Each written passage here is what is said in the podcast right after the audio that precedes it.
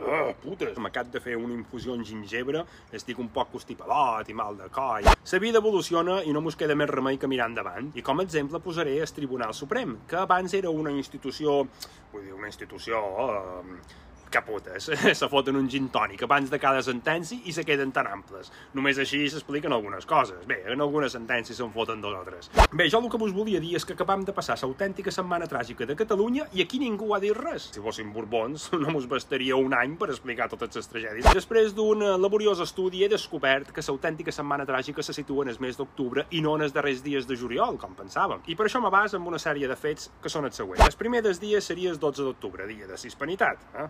Dia terrífic. Se celebra la nacionalització de la primera línia catalana de taxis marítims que hi hagué en el món, propietat d'un tal Tòfol Colom, eh, que com a bon taxista en arribar a lloc te la clavava. Per commemorar la gesta d'en Colom, cada 12 d'octubre està de moda ara sortir al carrer i demanar un taxi. Un 13 d'octubre la reina Isabel va establir el vermell i el groc com la bandera catalana. Mos tenien enveja, tu. Com tota Espanya, va arribar tard i malament, perquè si ho hagués decidit dia 11, els avions de l'exèrcit espanyol el dia de la hispanitat no haguessin fet el ridícul en el cel de Madrid, és que ja està bé, és que no sabien quina bandera havien de posar. El 14, el Tribunal Suprem, aquell de Gintònics, emet la sentència del procés que envia a presó el govern català per organitzar una botifarrada, perquè ja va ser una botifarrada. Eh? El 15, l'estat més democràtic i exemplar del món, d'IFC Espanya, eh, mata un senyor perquè no s'havien pronunciat seu cognom, un tal Companys. El 16, envien a presó Jordis per dir per megàfon anau tots a casa, que no hi ha pizzas per tots, que se les ha menjat la secretari judicial. Eh? I el 17, el Tribunal Constitucional anul·la les lleis referèndum en què els catalans només havien de triar entre menjar truita espanyola o botifarra en seques, vull dir que tampoc era tan greu. Sis dies seguits d'atats constants contra els catalans. Ja sé el que estàs pensant, en falta un. Dia de 8, eh, a hores d'ara, eh, no ha passat eh, mai res